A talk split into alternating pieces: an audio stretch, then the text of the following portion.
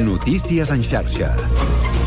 Bona tarda, són les 4 per la Mercè Roura. Fem un cop d'ull a les carreteres catalanes perquè hi ha talls a carreteres arreu del país per reclamar millores al sector de la pagesia. Parlem amb Eduard Sánchez. Bona tarda. Hola, bona tarda. De moment es mantenen aquests diferents talls per les protestes dels pagesos, sobretot en el cas de les demarcacions de Girona i de Lleida. En el cas de Girona, recordem que es manté tallada l'autopista AP7 entre Borrassà i Vilademuls. Es desvia el trànsit abans, però, per la sortida 4 de Figueres, en sentit sud, i pels que, vehicles que van en sentit nord per la sortida 5 de l'Escala. Uh, a banda, també es manté el tall de la Nacional 2 entre Bàscara i Vilamalla. Per aquest motiu, totes les vies d'aquesta zona, tant la pròpia autopista P7 com la Nacional 2 o també la C31 o la C26, van molt atapeïdes en aquests punts de, de tall. Afegim també la Nacional 152, que també es manté tallada a Puigcerdà, i la C38 entre Molló i el Coll d'Ares. Pel que fa a la demarcació de Lleida, es mantenen també els talls a la Nacional 230 en dos punts, a Alfarràs i més amunt al Pont de Suert, en aquest cas confluència amb la Nacional 260, a la C14 a Bassella també, a la Nacional 240 i a la A22, en dos casos al Macelles, i també els diferents punts de tall a l'autovia 2 a Soses, en els dos sentits de la marxa, a Vilagrassa, en sentit Barcelona, i a Tàrrega, en sentit Lleida. En tots aquests punts també, especialment tant a l'autovia com a l'autopista, hi ha força retencions. En el cas, sobretot, de l'autopista, de l'AP2, on es manté el tall entre Aitona i Albatàrrec, i continuen moltes retencions, sobretot entre Fraga i Soses. És tot. Bona tarda. Bona tarda i gràcies, Eduard. Estarem pendents d'aquests talls eh, protagonitzats eh, aquesta tarda pels pagesos. I un altre tema d'hores d'ara, perquè en aquest moment, a partir d'aquesta hora, s'assigna aquest acord entre el govern i el PSC pels pressupostos del 2024. Pere Aragonès i el primer secretari del PSC i cap de l'oposició, Salvador Illa, el signen al Palau de la Generalitat. També informarem sobre aquest tema. I l'executiva del PSOE ha acordat suspendre cautelarment de militància l'exministre José Luis Ábalos esquitxat pel cas Coldo. Recordem que fa una estona el darrer butlletí us explicàvem en un que havia fet una roda de premsa. Ábalos ha expressat la seva negativa a abandonar l'escó al Congrés dels Diputats i ha decidit eh, passar al grup mix i no fer doncs, cas d'aquest ultimàtum que li havia fet ahir al Partit dels Socialistes. I un darrer punt, el jutjat d'instrucció número 4 a Badalona ha arxivat la causa contra l'alcalde Xavier García Albel per un presumpte delicte de lesions a una assessora del PSC que el va denunciar en precampanya. Notícies en xarxa. 4 i 3 minuts. Comença el Connectats.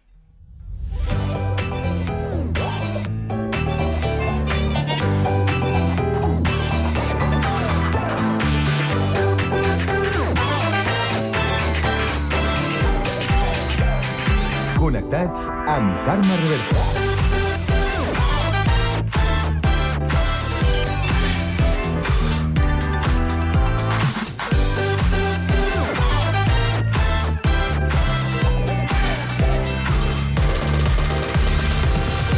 Molt bona tarda, salutacions i benvinguts un dia més al magazín de tarda de la xarxa El Connectats, de l'àrea metropolitana de Barcelona, programa que fem i que podeu seguir a través de Ràdio Sant Cugat, Ràdio Sabadell, la Municipal de Terrassa, el Prat Ràdio, Ràdio Ciutat de Badalona i Ràdio Castellà. Una salutació de tot l'equip conduït a la part tècnica per Pablo Palenzuela, Sami Fernández a la producció i de qui us parla, Carme Reverte. Avui és dimarts 27 de febrer i volem saber quin temps ens espera aquesta tarda.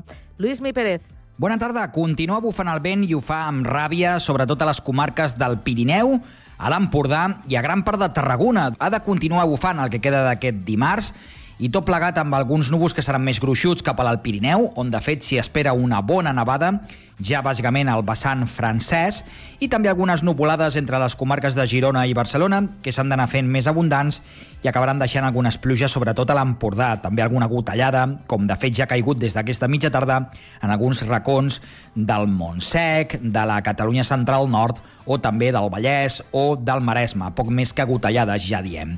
En vista demà continuarà bufant el vent, ho farà moltes ganes a tot Girona, una bona tramuntanada, també al Pirineu i a les comarques de Tarragona, sobretot a l'Ebre, un vent que serà més aviat eixut, els núvols al matí encara abundants cap al nord amb algun plogim, però s'aniran retirant durant la tarda i demà acabarà fent una temperatura molt suau. Us seguirem a la xarxa.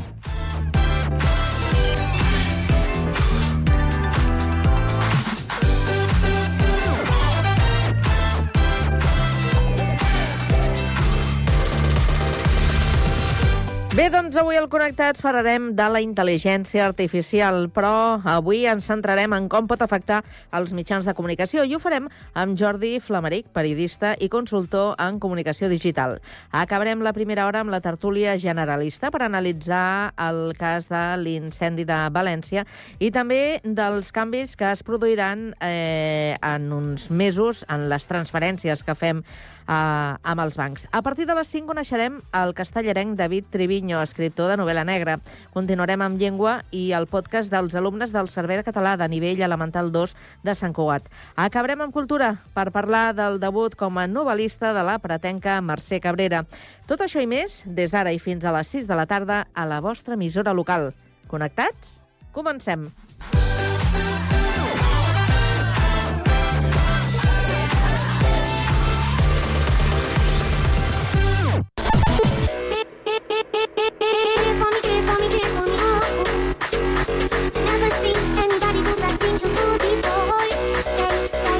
Connectats, una experiència radiofònica a Sabadell, Terrassa, Sant Cugat, El Prat, Castellà i Badalona.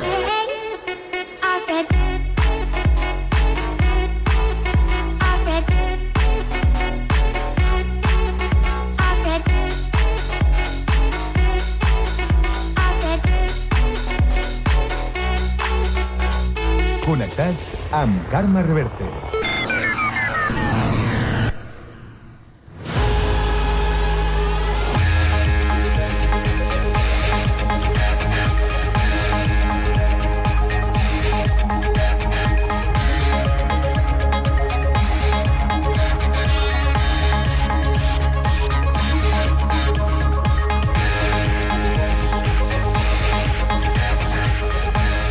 4 i 7 minuts ens actualitzem i ho fem amb la ronda d'actualitat, que avui també obrirem per Terrassa. Sergi Estapé, bona tarda. Bona tarda. Amb 73.000 pernoctacions el 2023 a Terrassa, el turisme augmenta un 40% a la ciutat. Aquesta dada es complementa amb les 208.779 visites que van rebre els museus i elements patrimonials, un 13,42% més que l'any anterior superen ja les dades eh, d'abans de la pandèmia. Són unes xifres que, si bé segueixen la tendència general del sector a l'alça, reafirmen la línia estratègica del Departament de Turisme.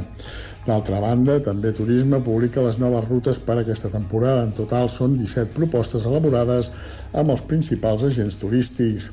Hi ha novetats i adaptacions a nous itineraris. El nou catàleg incorpora les visites diurnes i nocturnes al cementiri municipal de Terrassa i també una remodelada ruta tast, quatre itineraris per la millor gastronomia local de temporada. Finalment, el Servei de Turisme treballa en una nova fira. Es farà el tercer cap de setmana de novembre i estarà inspirada en l'antiga trobada pagesa d'hivern que es feia a la ciutat. Gràcies, Sergi. I ara seguim per la cocapital del Vallès Occidental, Sabadell. Pau Duran, bona tarda. Bona tarda. Els veïns de la Concòrdia volen celeritat en les obres de l'aparcament de l'Eix Macià perquè diuen que la sorra és un focus de contaminació. L'Ajuntament diu que està dibuixant el projecte que ha d'incloure l'Escola de Música i el Conservatori. El president de l'Associació de Veïns, Francesc Portalés, ho ha denunciat al programa al matí. en què ens volen vendre ara que això és un, això és un aspecte només d'aquesta legislatura. I això és un aspecte que no sols que ve d'anys, que això no tindria la més importància. bueno, sí que té importància, però no seria el més important. Sinó que el que és important és que en l'anterior legislatura l'acord que havíem arribat és que al final de la legislatura seria quan començaríem ja a veure allí alguna cosa efectiva. I en l'actualitat el que ens vol vendre l'equip de govern és que és d'aquesta legislatura i encara estem en un preprojecte del que farem. Els veïns recalquen que l'actuació ja estava prevista en el mandat anterior, però no es va tirar endavant llavors. L'equip de govern, però, assegura que és una prioritat per aquest mandat. Gràcies, Pau. Anem ara fins al litoral. Des de Badalona ens informa Santiago Espasa. Bona tarda. Bona tarda, Carme. Doncs l'Hospital Germans Trias i Pujol ha presentat aquest dimarts al Mobile World Congress una nova aplicació pionera al món per a la formació i assistència en cirurgia robòtica, desenvolupada amb Telefònica i amb Surgery. Gràcies a la combinació de diferents tecnologies com la 5G, la realitat virtual i augmentada, aquesta aplicació permet la connectivitat a temps real en remot des de qualsevol punt del món amb un quiròfan. A través d'ulleres de realitat virtual, tauletes o ordinadors, l'aplicació reprodueix exactament l'experiència al cirurgià que està intervenint el pacient amb un sistema robòtic. Ho fa amb una visió 3D d'alta definició i que permet que sigui accessible a personal que no es troba al quiròfan en aquell moment. Ho ha explicat el cirurgià Jordi Tarascó, especialista en cirurgia endocrina, bariàtrica i metabòlica de l'Hospital Germans Trias i Pujol. Obre la porta a crear unes formacions que són bidireccionals entre alumne i professor o professor-alumne, massives, ja no com abans que anàvem de dos en cirurgians de dos en dos, amb comptagotes, sinó, imagineu-vos, 200 usuaris en un mateix moment formant-se arreu del món i a temps real, que algú més jove en una situació que, no, que es troba doncs, a, a, que no se'n surt, doncs aquell cirurgià amb més experiència des de la seva casa, des de l'altra punta del món, que es pugui connectar a temps real i pugui donar les directius per poder sortir de la situació.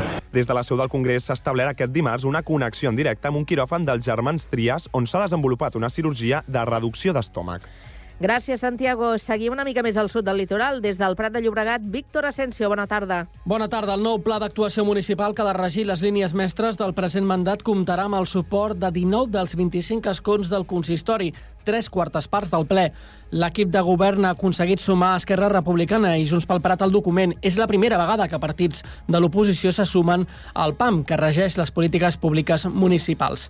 Aquest és un document continuista pel que fa a l'anterior mandat, on es vol aprofundir en la sostenibilitat de la ciutat i millorar el servei a les persones amb la construcció d'un edifici a Logaite, on s'hi ubicaran tots els serveis a la ciutadania. Escoltem l'alcalde del Prat, Lluís Mijoler Martínez. La sostenibilitat, l'habitatge i l'atenció de les cures, posar les persones en el centre són els eixos principals del que vertebrem com a, com a model de Prat. No? I, a, i a partir d'aquí eh, la innovació com a eines de promoció de, econòmica. El PAM s'ha d'aprovar aquest dijous al ple municipal i estarà en vigor fins al final de mandat. Gràcies, Víctor. Tornem al Vallès i ara ens quedem a Castellà. Guillem Plans, bona tarda. Bona tarda. L'edició 2024 del Festival de Cinema Bram continua triomfant. Sales plenes i públic extasiat per pel·lícules que ressonen a l'interior amb els seus missatges. La majoria nominades als premis de cinema més importants, Gaudís, Goyes i Oscars. Aquesta tarda, film amb segell local, ja que tindrem l'actriu castellarenca Montse Germán oferint una xerrada just abans de la projecció de Ruta Salvatge a dos quarts de nou a l'auditori. Gràcies, Guillem. I abans de marxar, un repàs a l'actualitat de Sant Cugat que ens porta Sami Fernández. Bona tarda, Sami. Bona tarda. L'Esport Sant Cugatenc es vesteix de gala aquest dimarts a les 7 i mitja de la tarda al Teatre Auditori, amb els Premis Esport en Marxa, organitzats per Cugat Media. 36 finalistes opten a guanyar les 10 categories existents i amb les- l'esport inclusiu i adaptat com a temàtica central. La gala es podrà seguir en directe a Cugat.cat i a YouTube i en diferit l'endemà a la xarxa Plus. L'acte està obert a tothom i amb entrada lliure.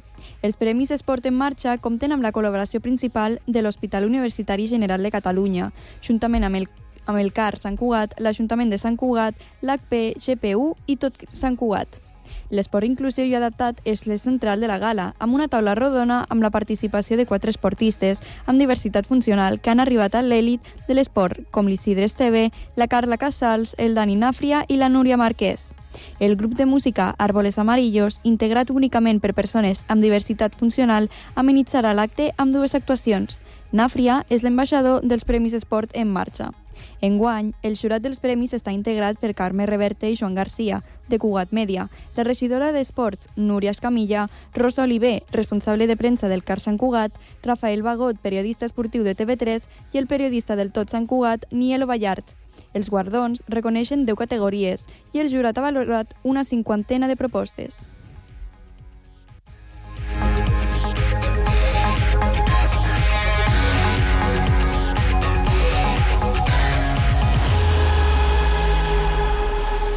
A la tarda, no et desconnectis. A la teva ràdio local, connectats. Can't touch this. Can't touch this.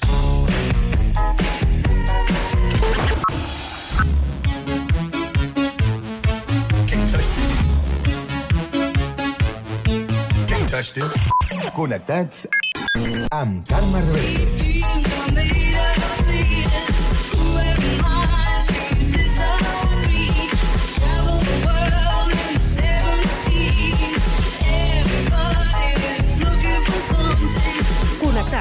Una experiència radiofònica a Sabadell, Terrassa, Sant Cugat, El Prat, Castellà i Badalona.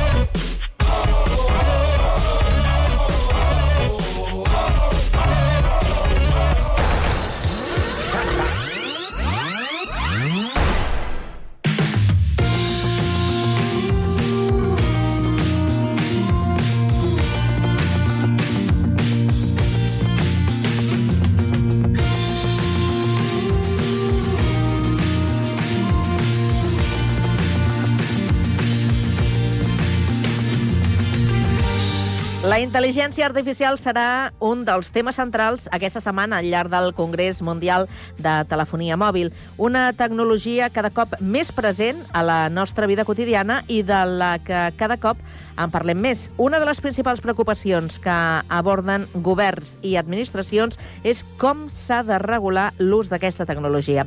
Marxem fins als estudis del Prat Ràdio. Allà hi tenim el Víctor Asensio García. Molt bona tarda, Víctor. Bona tarda. Precisament aquesta temàtica que comentes, la de la regulació de les intel·ligències artificials, és el tema central d'una xerrada que tindrà lloc demà al Cèntric Espai Cultural aquí al Prat i que està emmarcada en el cicle Connecta't al món. Per saber més, saludem Jordi Flamaric, periodista i consultor en comunicació digital, expert de la matèria. Bona tarda. Hola, bona tarda. De fet que la legislació vagi un o dos passos per enrere, per darrere de la tecnologia és un fet eh, molt habitual. És bastant, bastant normal que la llei arribi quan la tecnologia ja fa temps que campa no? i que està entre nosaltres. En el cas de la intel·ligència artificial, eh, això és encara més eh, greu, diguem-ho així, perquè és un camp que està en plena ebullició i que està anant super ràpid. Des de els últims 12 mesos, any i mig, com a molt, s'han fet uns, uns avenços increïbles i s'ha posat a disposició de la gent del gran públic eines amb un potencial increïble, diguem-ho així, eh, eines d'intel·ligència artificial eh, que estan transformant eh, o estan canviant tot, diguem-ho així, i que Europa, com em preguntaves, eh, és la primera regió, la primera zona del món que ha creat o està sentant les bases d'una legislació, d'una regulació, perquè a la resta del món eh, no hi és i no se l'espera en el curt termini. I com afecta la proliferació de la intel·ligència artificial a la protecció de la privacitat i la seguretat de les dades personals? Eh, afecta moltíssim. Pensa que la intel·ligència artificial, la seva base, la que fa que les intel·ligències artificials aprenguin, eh, ho fan a base de dades i aquestes dades, els principals productors de dades som nosaltres, els ciutadans, les persones que a cada dia eh, mirem xarxes socials, fem cerques amb el mòbil, fem servir qualsevol tipus d'aplicació, enviem mails, consultem per internet, és a dir, qualsevol dels àmbits en el qual hi hagi eh, un ordinador o un smartphone, que és el, més, el, el dispositiu més habitual, és una màquina de generar dades.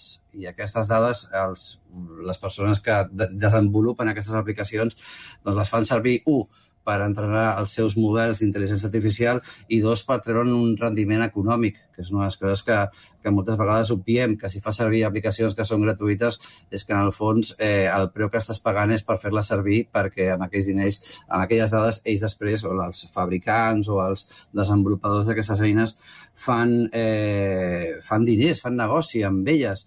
I això a nivell de seguretat i privacitat amb una tecnologia com és la intel·ligència artificial eh, que és molt més potent del que hem fet servir mai fins ara, doncs sí, posa, posa en risc la nostra privacitat i la nostra seguretat. Les intel·ligències artificials tenen un gran potencial positiu, eh? ho hem dit alguna vegada, per exemple, en l'àmbit de, de la medicina, però, com tota tecnologia, si se'n fa un mal ús, té riscos. Des de la suplantació, per exemple, de la identitat fins la desinformació. És una cosa que veiem, per exemple, molt amb, amb ChatGTP, que li fas una pregunta i no et dona la resposta exacta, exacta no? amb la informació correcta. Siguin voluntàries o involuntàries, aquestes desinformacions. Com podem garantir que es faci un ús responsable? La primera és això, com està fent la Unió Europea i que ho fa molt bé, és col·locant sentant unes bases dels riscos que, que estem disposats a assumir.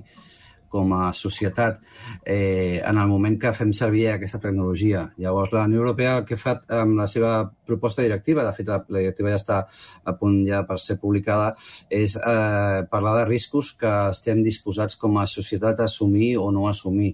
I, per exemple, eh, la normativa parla de riscos inacceptables com podria ser la identificació biomètrica massiva en temps real. Què significa això? Doncs que s'instal·lin càmeres als carrers i que aquestes càmeres eh, puguin veure la teva cara i saber que tu ets tu i que estàs en aquell lloc en concret i fer un seguiment del que fas al llarg del dia, de la setmana o dels mesos i a partir d'aquí establir un, com un patró, no un patró sinó un marcatge social, és a dir, en Víctor és un tipus, és un bon ciutadà o en Víctor eh, es reuneix amb gent sospitosa, és un conspirador, és, eh, està en contra del govern, eh, s'ajunta amb gent, això, amb intencions obscures, i això la Unió Europea ho té claríssim que no, que no vol que passi en el nostre territori. Però també hi ha coses com, com joguines, una tonteria, però els, les criatures fan servir cada cop més tecnologia. I eh, la Unió Europea marca claríssimament que les joguines no poden tenir elements d'intel·ligència artificial perquè són grups molt, molt, molt vulnerables. Mm -hmm. Clar, però en aquest exemple, per exemple, que posaves tu ara sobre les joguines és potser més fàcil regular perquè al final és un objecte físic, no? que ha d'entrar al país i arribar-li a una criatura i tu pots decidir doncs, que si porta aquesta intel·ligència artificial doncs no passa per la frontera i no arriba. Però en el cas, per exemple, de les aplicacions web o a les, als elements d'intel·ligència artificial que estan en xarxa, doncs, per exemple, hi ha fórmules de saltar-se, no? aquesta regulació eh, territorial, com poden ser les VPNs, etc. Aleshores, com podem garantir que aquestes regulacions es puguin apl aplicar de veritat? Viable ho és, i lo de, clar, de, mm, pel gruix de la població, és a dir, tu ja has, has introduït un concepte que són les VPNs per saltar-te les restriccions eh, geogràfiques en l'ús de tecnologia, però aquest concepte no està a l'abast o no és de domini públic i qui es posa a fer això assumeix els riscos derivats d'aquesta pràctica.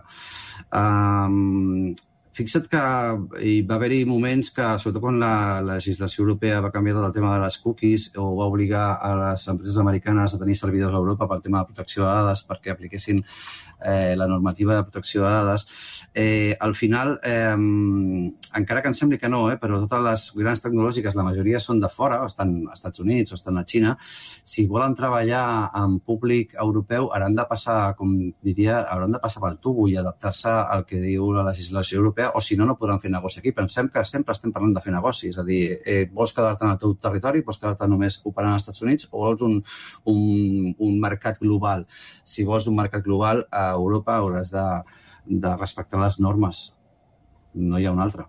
Dins de l'ús responsable d'una tecnologia hi ha també el fet que no tingui, per exemple, biaixos, no? que siguin excloents. Avui, per exemple, hem fet una prova i hem demanat a una intel·ligència artificial que ens creés una imatge d'una persona i la majoria d'imatges que ens creava, per exemple, eren d'homes blancs. Això, evidentment, té un, un biaix que eh, exclou bona part de la, de la població. Ja parlem de les dones, però també de persones que vinguin d'altres orígens eh, i se les està excloent del que és la definició de persona. Per, què podem fer doncs, per, per evitar aquest biaix eh, que invisibilitza part de la societat? Com es garanteix que no s'aprofundeixin en les desigualtats que ja podem observar en el nostre dia a dia? Serà complicat.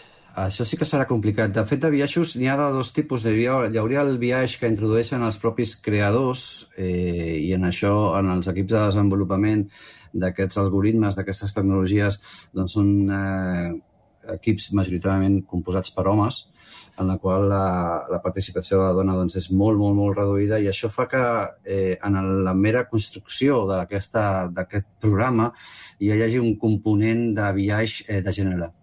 Eh, un exemple molt, molt clar que poso moltes vegades a les xerrades és perquè els assistents com Siri, Alexa, Cortana tenen nom de dona i veu de dona i és perquè no ha estat desenvolupat per home i l'home pensa que si algú ha de ser servicial, està sempre disponible, ajudar-te amb tot el que sigui, ha de ser una dona. Sembla molt cru, però és, és així. Eh, aquest seria el primer i en això bueno, s'establiran, com ja s'està fent en molts àmbits, no? un sistema de quotes i de, que doncs, els equips siguin multidisciplinars u, i després que hi hagi participació de dones perquè també donin el seu punt de vista sobre com s'està desenvolupant. Però després hi ha un altre biaix, que és el que deies tu, que és amb les dades que alimentes el sistema, és a dir, les dades que rep la intel·ligència per ser entrenat i que inevitablement tenen també un biaix.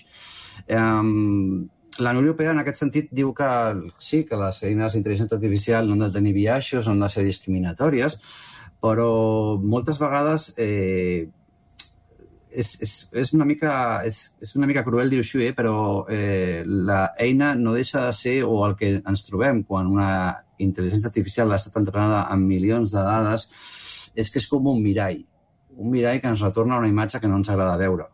I un exemple molt clar és, és un petit robot de conversa que va posar Microsoft a Twitter per interactuar. Era una intel·ligència artificial conversacional, és a dir, donava conversa, responia als missatges que li donava la gent i la seva font d'alimentació, és a dir, com va aprenir a relacionar-se amb la gent, era a partir dels propis continguts a Twitter. Aquell robot eh, el van posar en marxa i va durar un dia online, en línia, perquè en un dia s'havia tornat racista, masclista, eh, supremacista... I clar, tothom va dir, però home, com està fet això? No, no, és que això estava entrenat per aprendre del que s'estava dient a la xarxa. I això va col·locar un mirall davant de Twitter i va dir, és que Twitter tot el que circula o la major part de les coses que circulen doncs, són racistes, masclistes, supremacistes, molt violent, es va tornar superviolent perquè la xarxa en definitiva és així. Llavors, amb, amb aquests models de massius de dades, i a ChatGPT no s'escapa d'això, i les eines generatives, és, a ChatGPT l'han entrenat amb contingut bàsicament d'internet. I si no ens agrada el que diu ChatGPT, ens hauríem de fer pensar també és que no ens agrada com és internet avui dia. Uh -huh. uh, tornem a la segona pregunta que t'he fet sobre la protecció de la privacitat, perquè aquesta pregunta no l'he redactat jo, aquesta pregunta l'ha fet uh, ChatGTP uh, i volíem jugar una mica amb aquesta, amb aquesta idea no? de, de veure uh, fins a quin punt no? podem uh, creuar aquestes fronteres ètiques. Evidentment no és ètic que ChatGTP et faci la, la feina i és veritat que també doncs, li has d'anar donant pautes i que ara mateix no et substitueix. Però clar, aquí no estem parlant de que sigui poc ètic la resposta o la pregunta que m'ha generat ChatGTP, sinó que és poc ètic l'ús que n'estic fent jo. No? Com podem garantir que persones eh, com nosaltres fem ús, un ús ètic d'aquestes intel·ligències artificials, també per a les escoles, per exemple, que no facin els deures, com ja està passant, no? que no facin els deures amb ChatGTP o que els periodistes això facin les preguntes o que qualsevol professional del seu àmbit doncs no faci servir aquestes intel·ligències artificials, per exemple, doncs, doncs per no fer la seva feina. No? Un treball concret que els periodistes fem les, nostres, les nostres preguntes, que aquí sigui fàcil la seva feina perquè més enllà de que no, la eina sigui ètica o estigui ben uh, feta i es reguli, mm -hmm. nosaltres també n'hem de fer un bon ús. Què hem de fer com a societat per, per donar-li un bon ús i per no caure en aquest parany? Bé, que em dispareu preguntes fetes amb ChatGPT ja és un fenomen actual. Eh, només faltarà que jo també sigui, no sigui el Jordi, sinó sigui una màquina la que estigui responent amb síntesi de veu i realment a l'altra banda del telèfon no hi hagi ningú, que arribarà el dia que posaré una màquina a respondre a les vostres preguntes. Eh, mira, això, això que comentes és molt interessant, però jo crec que l'únic camí és el camí de l'educació i, i, i, de la, i de la conscienciació també de la gent, de la sensibilització de la gent sobre el potencial tant en positiu com en negatiu que tenen aquestes eines. Crec que com a societat no els hi podem girar l'esquena per por, que és un fenomen que començo a notar que molta gent diu no, no, no, no jo passo d'això, no, jo no vull que els meus fills ho toquin, o i tocarem temes, bueno, pot ser molt polèmic, eh? Ha, ha d'introduir-se la intel·ligència artificial a l'escola, és a dir, l'escola ha de girar l'esquena a aquesta realitat i dir-los als alumnes que no facin servir ChatGPT per, per, la, per fer les, els deures, que vaja, ja ho estan fent, eh, t'ho dic ara, ho estan fent. Llavors, hem de prohibir que facin servir intel·ligència artificial per fer els deures o hem d'introduir aquestes eines dins de classe per anar un pas més enllà? per no exigir-li simplement que em faci les deures amb intel·ligència artificial i punto, sinó que em creï un producte encara millor del que seria capaç de dir com a ajudant, no com a substitut. La intel·ligència artificial, en el cas del periodisme, servirà com a ajudant. El dia que et faci la teva feina, ja no seràs tu necessari. I això molta gent, clar, diu, ah, és que mm, això em fa la feina. I jo els dic sempre el mateix, si te fa la feina i estàs satisfet amb el, amb el producte, eh, pensa que algun dia el teu cap se n'adonarà d'això i et farà fora de la feina, perquè per què et vol a tu si ja ho pot fer-ho la màquina? Llavors hem de, hem de uh, com a societat, sensibilitzar, i bona part de les xerrades que fem al Centex són això, és donar a conèixer aquesta eina sense fer por, sinó entendre què té de, de risc, però també què té de potencial i què té de coses molt positives. I a nivell de, de, del jovent, de la gent jove, dels nens, en l'àmbit educatiu, jo crec que és un fenomen al qual no se li pot girar l'esquena. El problema és que és tan nou, és tan recent, que ningú en sap, eh, no sabem encara fins on es pot arribar, però també et dic que els alumnes fan els deures, però també els profes preparen classe amb ChatGPT i preparen exàmens i preparen testos pels seus alumnes amb aquesta eina. És a dir, tothom ho està fent servir, tothom ho fa servir, però ja ho dic, no com a fer trampes. Si ho fas com a... Vaja, per no treballar, mm, mare assumpto. Però si ho fas per portar la teva feina un pas més enllà, jo crec que pot ser molt interessant. Hem de dir, però, que quan hem fet aquesta pregunta hem hagut de seleccionar entre moltes, moltes respostes que ens ha donat, perquè eh, no totes eren, eren bones, no? però bueno, que encara no, no ens substitueix com a periodistes, però vaja, que existeix aquesta, aquesta possibilitat, encara que sigui poc, eh, poc ètica. I també, d'altra banda, recordar no? que, per exemple, jo quan estudiava, mirar la Wikipedia pràcticament era fer trampes, no? i ara ja les eh, enciclopèdies físiques han desaparegut. Per tant, també la tecnologia va evolucionant i l'ús que en fem, no? Eh, tot plegat, eh, també va, va canviant.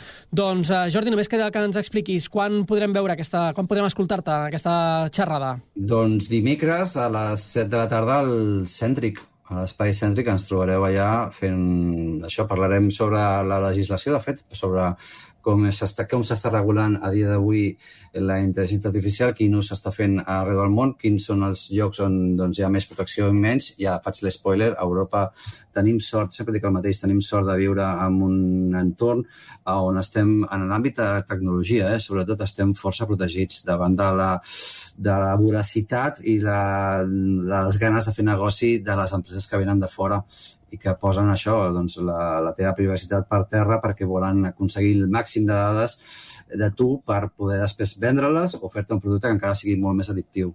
Doncs eh, estarem molt atents també en aquesta xerrada i esperem que aquesta tecnologia, aquesta regulació ens permeti doncs, poder gaudir de la tecnologia amb un bon ús i no ens dugui a distòpies no? d'aquestes que ja veiem en pel·lícules de, de ciència-ficció que, que cada cop són més, més properes i Ja hi som. i ja hi som, ja hi som. Jordi, moltes gràcies per ser avui amb nosaltres. A vosaltres, bona tarda. Adéu, bona tarda.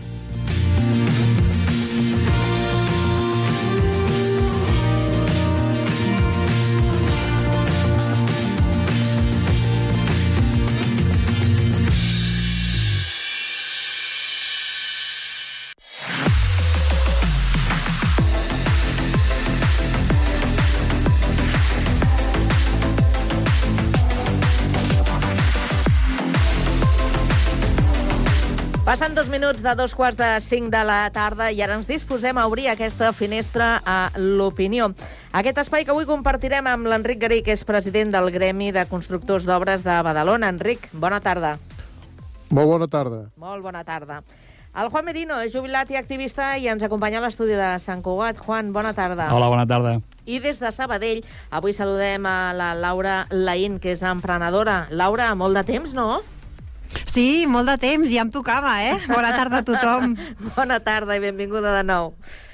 Gràcies. Bé, doncs eh, comencem parlant d'un tema que encara no havíem abordat, però abordem pel que mm, porta, diríem, de, de cua o, o, o que ha estat eh, generant els dies eh, després d'aquesta desgràcia que va eh, succeir a, a València amb l'incendi d'aquest eh, edifici. Ara, eh, a falta de saber exactament quina ha estat eh, la causa, tot i que s'apunta a un toldo, no? El mecanisme el motor, el motor d'un toldo. d'un toldo que va pràcticament calar a foc, va ser l'inici per eh, calar foc a, a tot aquest eh, edifici, que no sabem eh, si al final serà rehabilitat o l'hauran de, de demolir en funció del que, del que estimin que, que, que és més, eh, més favorable. Eh, però mm, anem al cas de l'incendi de València perquè resulta que hi ha eh, altres construccions, en, podríem dir, per allà a la mateixa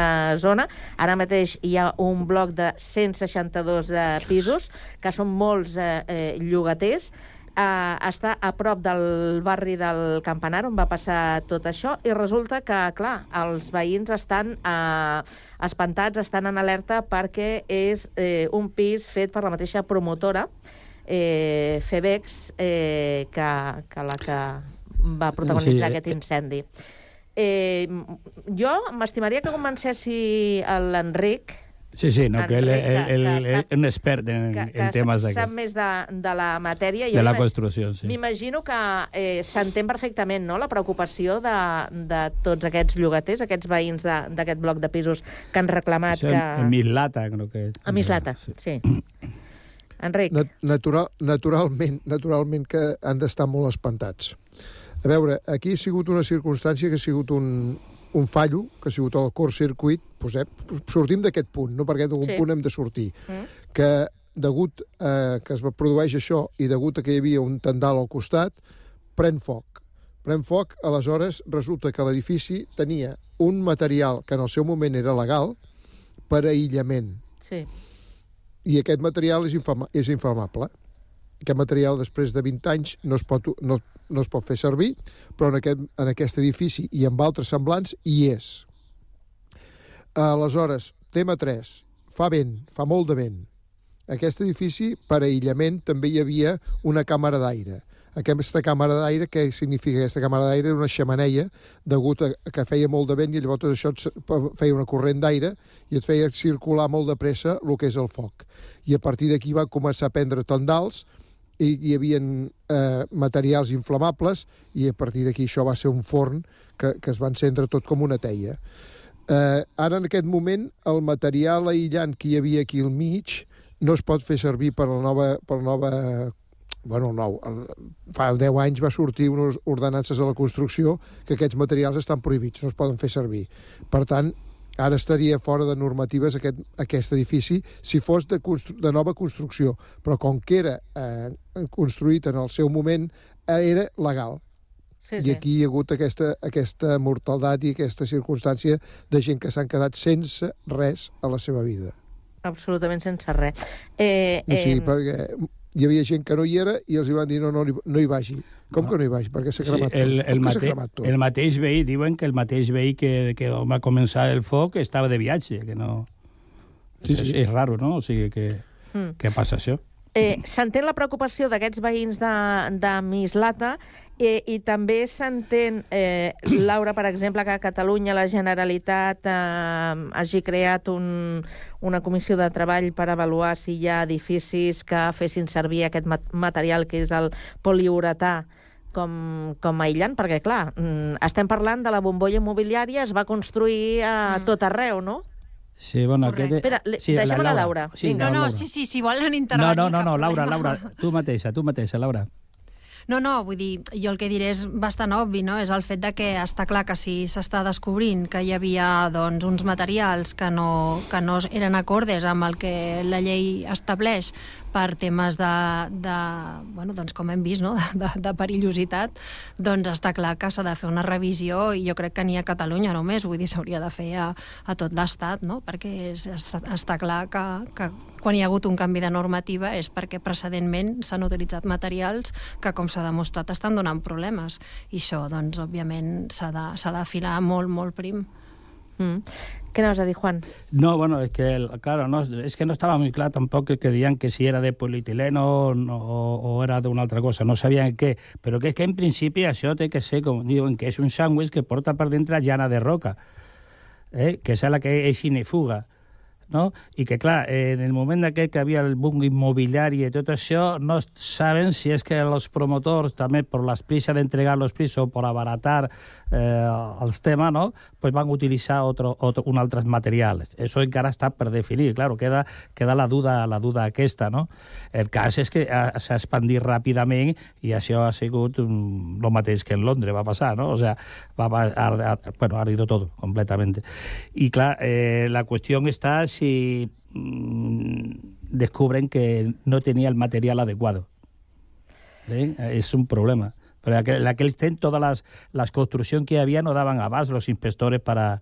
Ja, però una Era cosa, per- jo sí. crec que una cosa és que no es fessin servir els Sí. sí. materials adequats i una altra els que estaven permesos. Sí, clar, no, no, és, o sigui, és que... si, si en aquell moment eh, la normativa deia el que deia, Sí, sí. doncs eh, què, Bueno, què pots fer? en cuenta que es- el piso parece que era el 2005 o 2007, o sea que o sea, los pisos son... Sí, el canvi de normativa, quan es va acabar aquest edifici, el canvi de normativa crec que va entrar en vigor un any després, no? Sí. Enric? Sí, sí, sí, sí.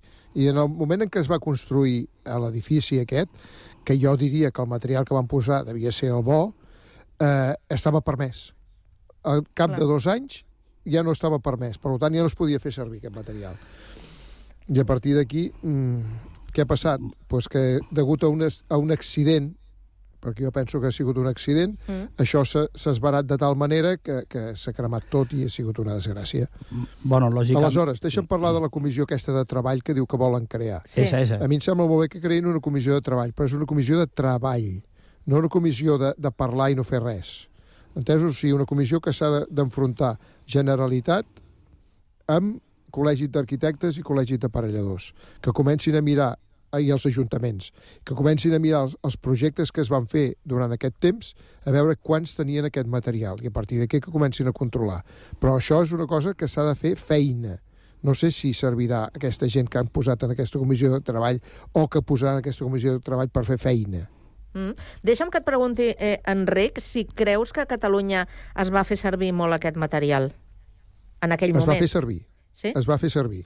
Molt o poc... No ho sabem. mm, Bueno, però no ho sabem. Però que es va fer servir, sí. Sí, sí. Perquè ja et dic que era una cosa que anava molt bé per l'aïllament. Sí, bueno, és aquest el problema que tenim ara, perquè aquí a Catalunya deien que en Manresa, en Igualada i algun lloc i més, n'hi havia, aquesta mateixa empresa havia fet edificis Aquesta igual. promotora. Aquesta promotora havia fet pisos igual. Lógicamente, això ara pues, tothom tindrà que mirar, tots els ajuntaments tindran que mirar eh, com estan aquests edificis, perquè, clar, és un perill, i a veure com lo solucionen aquest, aquest tema. O sea, aquesta qüestió ja és més peliaguda. Mm. A veure com... Sí, sí, però Digues, Però és que el Enric. tema no és que l'hagi fet servir aquesta promotora, aquesta, eh, o sigui, aquest Bueno, material ah, sí, estava sí. a la venda i era legal, m'entens? Sí, sí, funcionava bé, sí, per no, tant... No dic res que això, el mateix que aquesta promotora que, que ha passat, que amb aquesta promotora suposo que hi havia més promotores que estaven eh, utilitzant el mateix material. Sí, sí. Eh? Jo crec que sí, alguna cosa sí que tinc clara. Normalment té que haver una desgràcia perquè se modifiquen les coses, no? Perquè cada vegada que hi ha un incendi, eh, per exemple, el que va passar aquí en Tarragona, que van morir los bombers aquell, cada vegada, pues, Horta de Sant Joan. en Horta de Sant Joan, Mm. ya hay una modificación, los protocolos cambian totalmente, o sea, y aquí, bueno, aquí tienen que cambiar, lógicamente, que cambian to- todos los protocolos de que habían, porque també, precisament, los bombers, el problema que han tingut con aquesta família, és un exemple de que utilitzant el protocol que hi ha, amb el problema que havia, pues, no, no s'ha no pogut resoldre el problema d'aquell- d'aquella família que s'ha quedat allà, eh, de la criatura, con dos criaturas, ¿no? Eh, toda con la buena intención, un protocolo que ha funcionado, pero que no funciona para, para, para ta- esta situación. Supongo que todo eso tendrá que cambiar ahora. Nuevas modificaciones, nuevos protocolos, y a ver. I ara imagineu, a part del calvari eh, que ja eh, eh, han patit, el que encara els hi queda per, per patir, que és tota Clar. aquesta eh, baralla amb el tema de les eh, assegurances... Sí, bueno, això ja perquè, bueno, és això, terrible. això ja ho sabem. Quantes vegades no ens hem trobat amb assegurances de, de, de la llar que necessites Sí. per resoldre un problema Però- i resulta que no t'ho cobreix. O sigui, això és una altra història a part. Sí, mira, lo más curioso... de Deixem tot- a la Laura també. Laura. Sí, i ja no només eh, amb els afectats directes de l'incendi, sinó amb els afectats d'aquest altre edifici que sembla que també pot haver estat construït per la mateixa promotora i en el mateix moment de, de, de la bombolla eh, Immobiliària. immobiliària, Mhm. que òbviament estan pendents de saber què està passant perquè a veure, tindran molts, molts, molts eh, efectes eh, arrel de, del que, del que es, eh, es digui, no? És a dir, no només de... Imagina't que tens un pis que corre perill de, de patir aquest incendi, sinó només per les pròpies assegurances, no? Vull dir, com, com assegures Vols dir que les asseguradores en aquests casos eh, fugiran de... Sí, sí, està Ah, clar sí, que no clar. estan obligades. Suposo, no sé, desconec com funciona, però clar, que tinguis un, una propietat eh, amb aquest risc d'incendi eh, i, de, i de catàstrofe, doncs a veure qui te'l ve a assegurar. Mm. La aseguradora mai perden diners. O sigui, aquesta sempre hi ha el follón que tindran ara para, para arreglar tot això.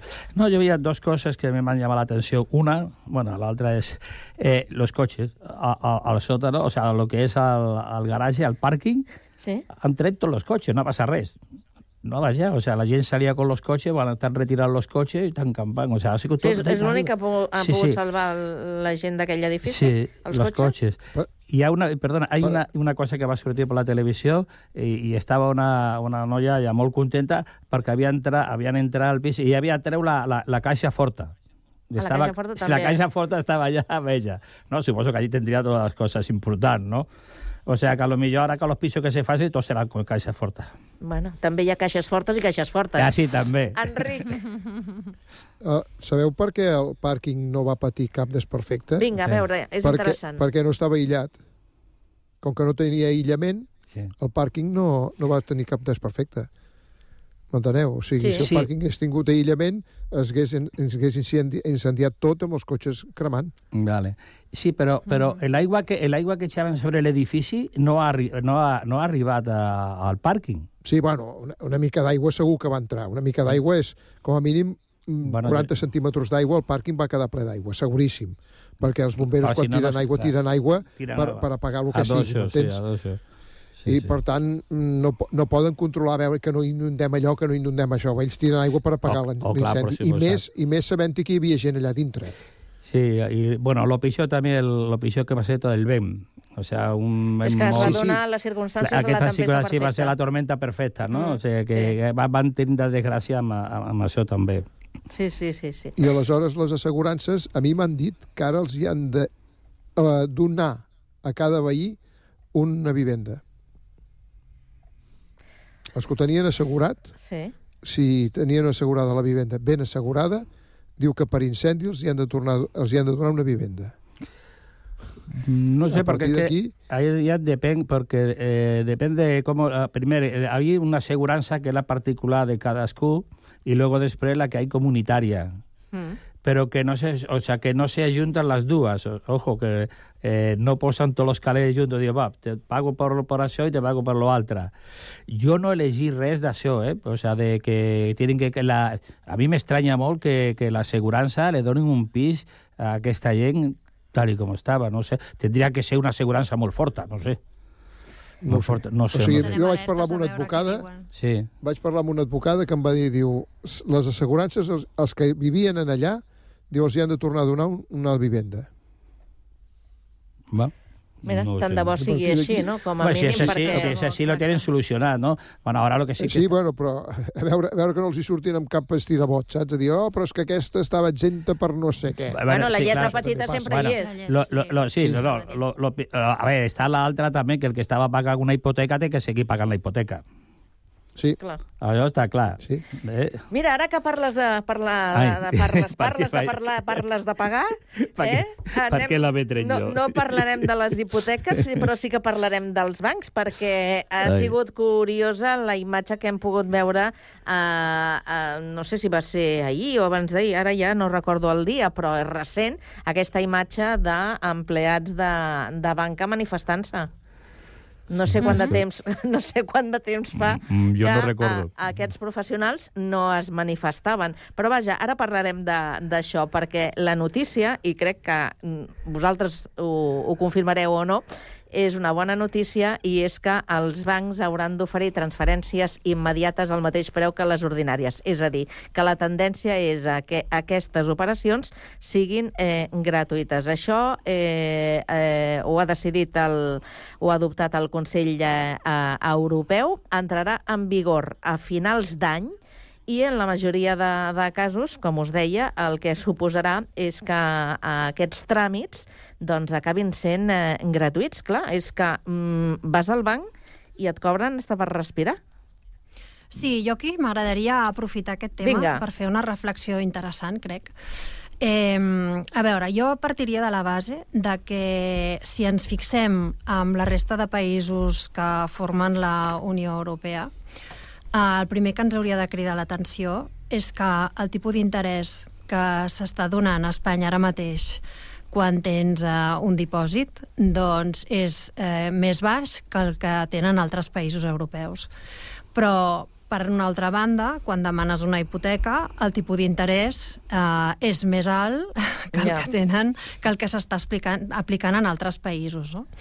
Llavors, eh, sembla ser doncs, de que tenim històricament o, o, ens estem, o ens estem comportant el ciutadà eh, aquí de, de manera, entre cometes, permeteu-me que ho digui, doncs una mica amb, amb certa ignorància, segurament perquè els lobbies eh, que ja sabem que es reparteix entre molt poques mans, doncs no, no, no, no, se'l- no els interessa doncs, que hi hagi doncs, segurament massa coneixement de les opcions que, que realment té un ciutadà, ja no dic català, eh, espanyol o, o, o europeu, no?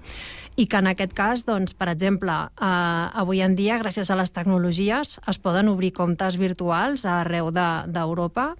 Existeixen unes plataformes certificadores eh, que juntament amb la llei de, de blanqueig de capitals doncs permeten que sense necessitat de desplaçar-te puguis obrir un compte i que puguis gaudir de tenir eh, doncs, els teus diners amb, amb, amb uns interessos superiors als que s'estan donant aquí i a més a més amb uns dipòsits garantits de la mateixa manera fins a 100.000 euros.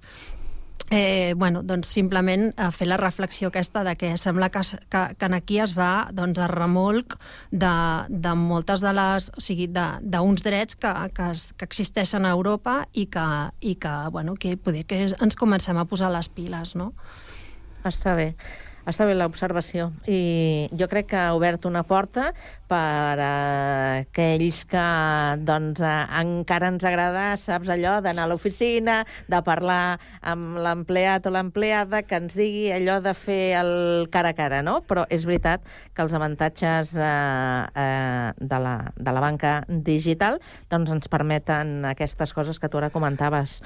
Laura, el que Sí. passa és que no estem acostumats, encara no hem entrat en aquesta cultura, eh? i sobretot quan parlem Exacte. de diners. No? I Parlem a de més a diners... més que els diners a vegades... mo- mm, A veure, la, la, la, el sentit comú també ens diu de que moltes vegades els diners estan en persones doncs, de, de, de més edat, no? que potser són justament els que tenen més dificultats, eh, no només per posar-ho en marxa, sinó simplement d'estar informats i de saber que existeixen una, moltíssimes opcions en el mercat i, que, i que si tinguessin coneixements d'això, eh, doncs, ostres, mm, Bueno, part- és, és d'agrair, no?, fer-ne ús. Sí, a part de que eh, no estem informats, perquè normalment aquí en, en aquest país s'informa de poques coses, sobretot si a los intereses de la banca i un altre organisme eh, van en contra d'ells, lògicament eh, arriba molt tard al, a l'usuari, no? al ciutadà. Bé, a part d'això, eh, nosaltres, la gent gran, eh, tenim la bretxa digital, no? O sea, que és un problema. Que, per cert, aprofito per dir que aquí a Sant Cugat, el Dia Internacional del Maltratament de la Gent Gran, se harà una manifestació contra la bretxa digital. El lema nostre serà la bretxa digital. Clar, eh, dir que, pues, que sí que tenim que estar... Que, bueno, nos tienen que asesorar molt bé, però per molt que nos assesoren, no podem arribar ara. O sea, lo de la, lo de la licitació de, de, de treball aquest de los bancs i tot això és per un altre nivell de persones, no? més joves. Com han canviat els temps, eh? Sí. Ara ja no, ja no regalen, ja no regalen coses, No, no? no, ja- ja no, jo dic la bate- cosa també, la bateria jo de cuina, no? Digues, Sí. Laura. personalment fa més de 15 anys que treballo en un banc, no, no diré quin banc és perquè Ja. tampoc es tracta de fer publicitat gratuïta, però que jo, eh, molt abans de que, fos lo, el, de que l'habitual fos que no, no et cobressin comissions per fer una transferència o per altres coses, a mi ja no me les cobraven. O sigui, fa més de 15 anys. Vull dir que hi ha doncs, com, com bueno, un desconeixement en general que, que d'entrada doncs, eh, Sí, fa, bueno. dona molt que pensar, no? Sí, de De- de- D'això del, del que deia inicialment, d'aquests lobbies, doncs, que hi ha interessa de que hi hagi aquesta, entre cometes, doncs, De desconeixement. moment tenim no? nou mesos encara, perquè Sí, és l'any vinent no, de- no comença. finals d'any. Però, eh, Bueno, i que potser es cursen d'una banda i es tiren d'una altra. Sí, claro, Ah, no, això. no. Sí, pero bueno, lo que unos intereses es que hi ha un, un banc que cobre eh, un 12%, no sé, 12 euros, no sé, No, mira, ara, ara us dono les xifres. Per fer aquestes transferències immediates, el Banc Sabadell eh, et demanava 0,95 cèntims. Exactament. 12 euros al Banc Inter. El Banc Santander i CaixaBank, 5 i 6 euros.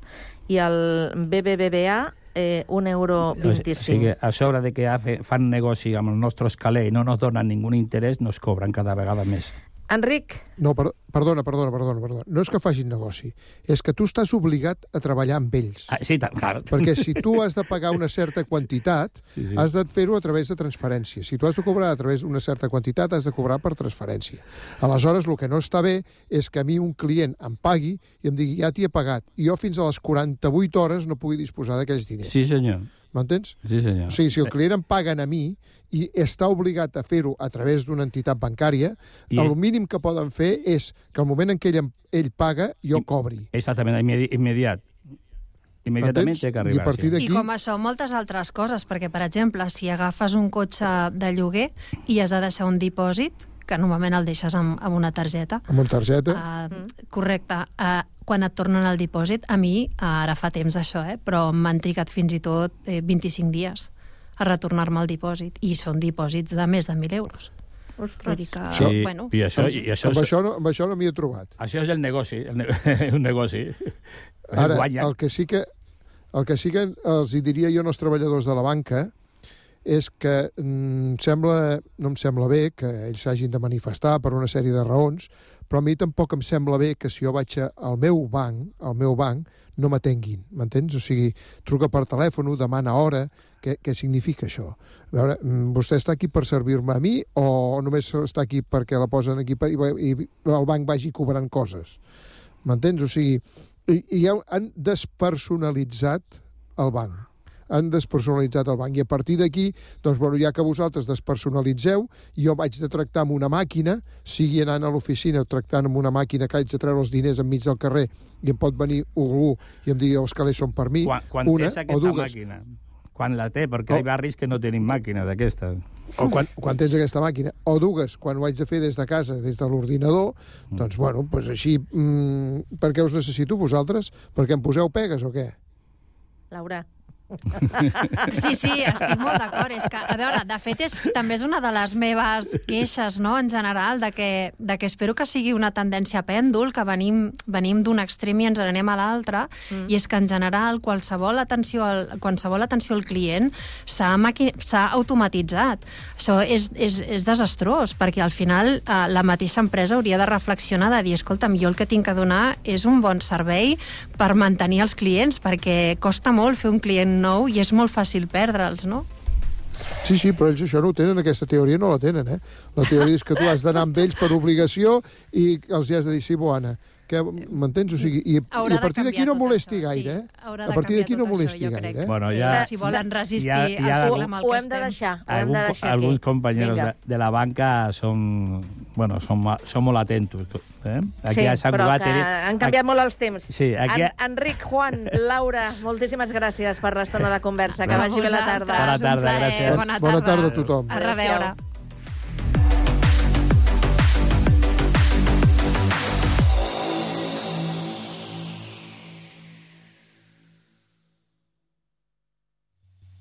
La música de tots els temps a Ràdio Sant Cugat. Thank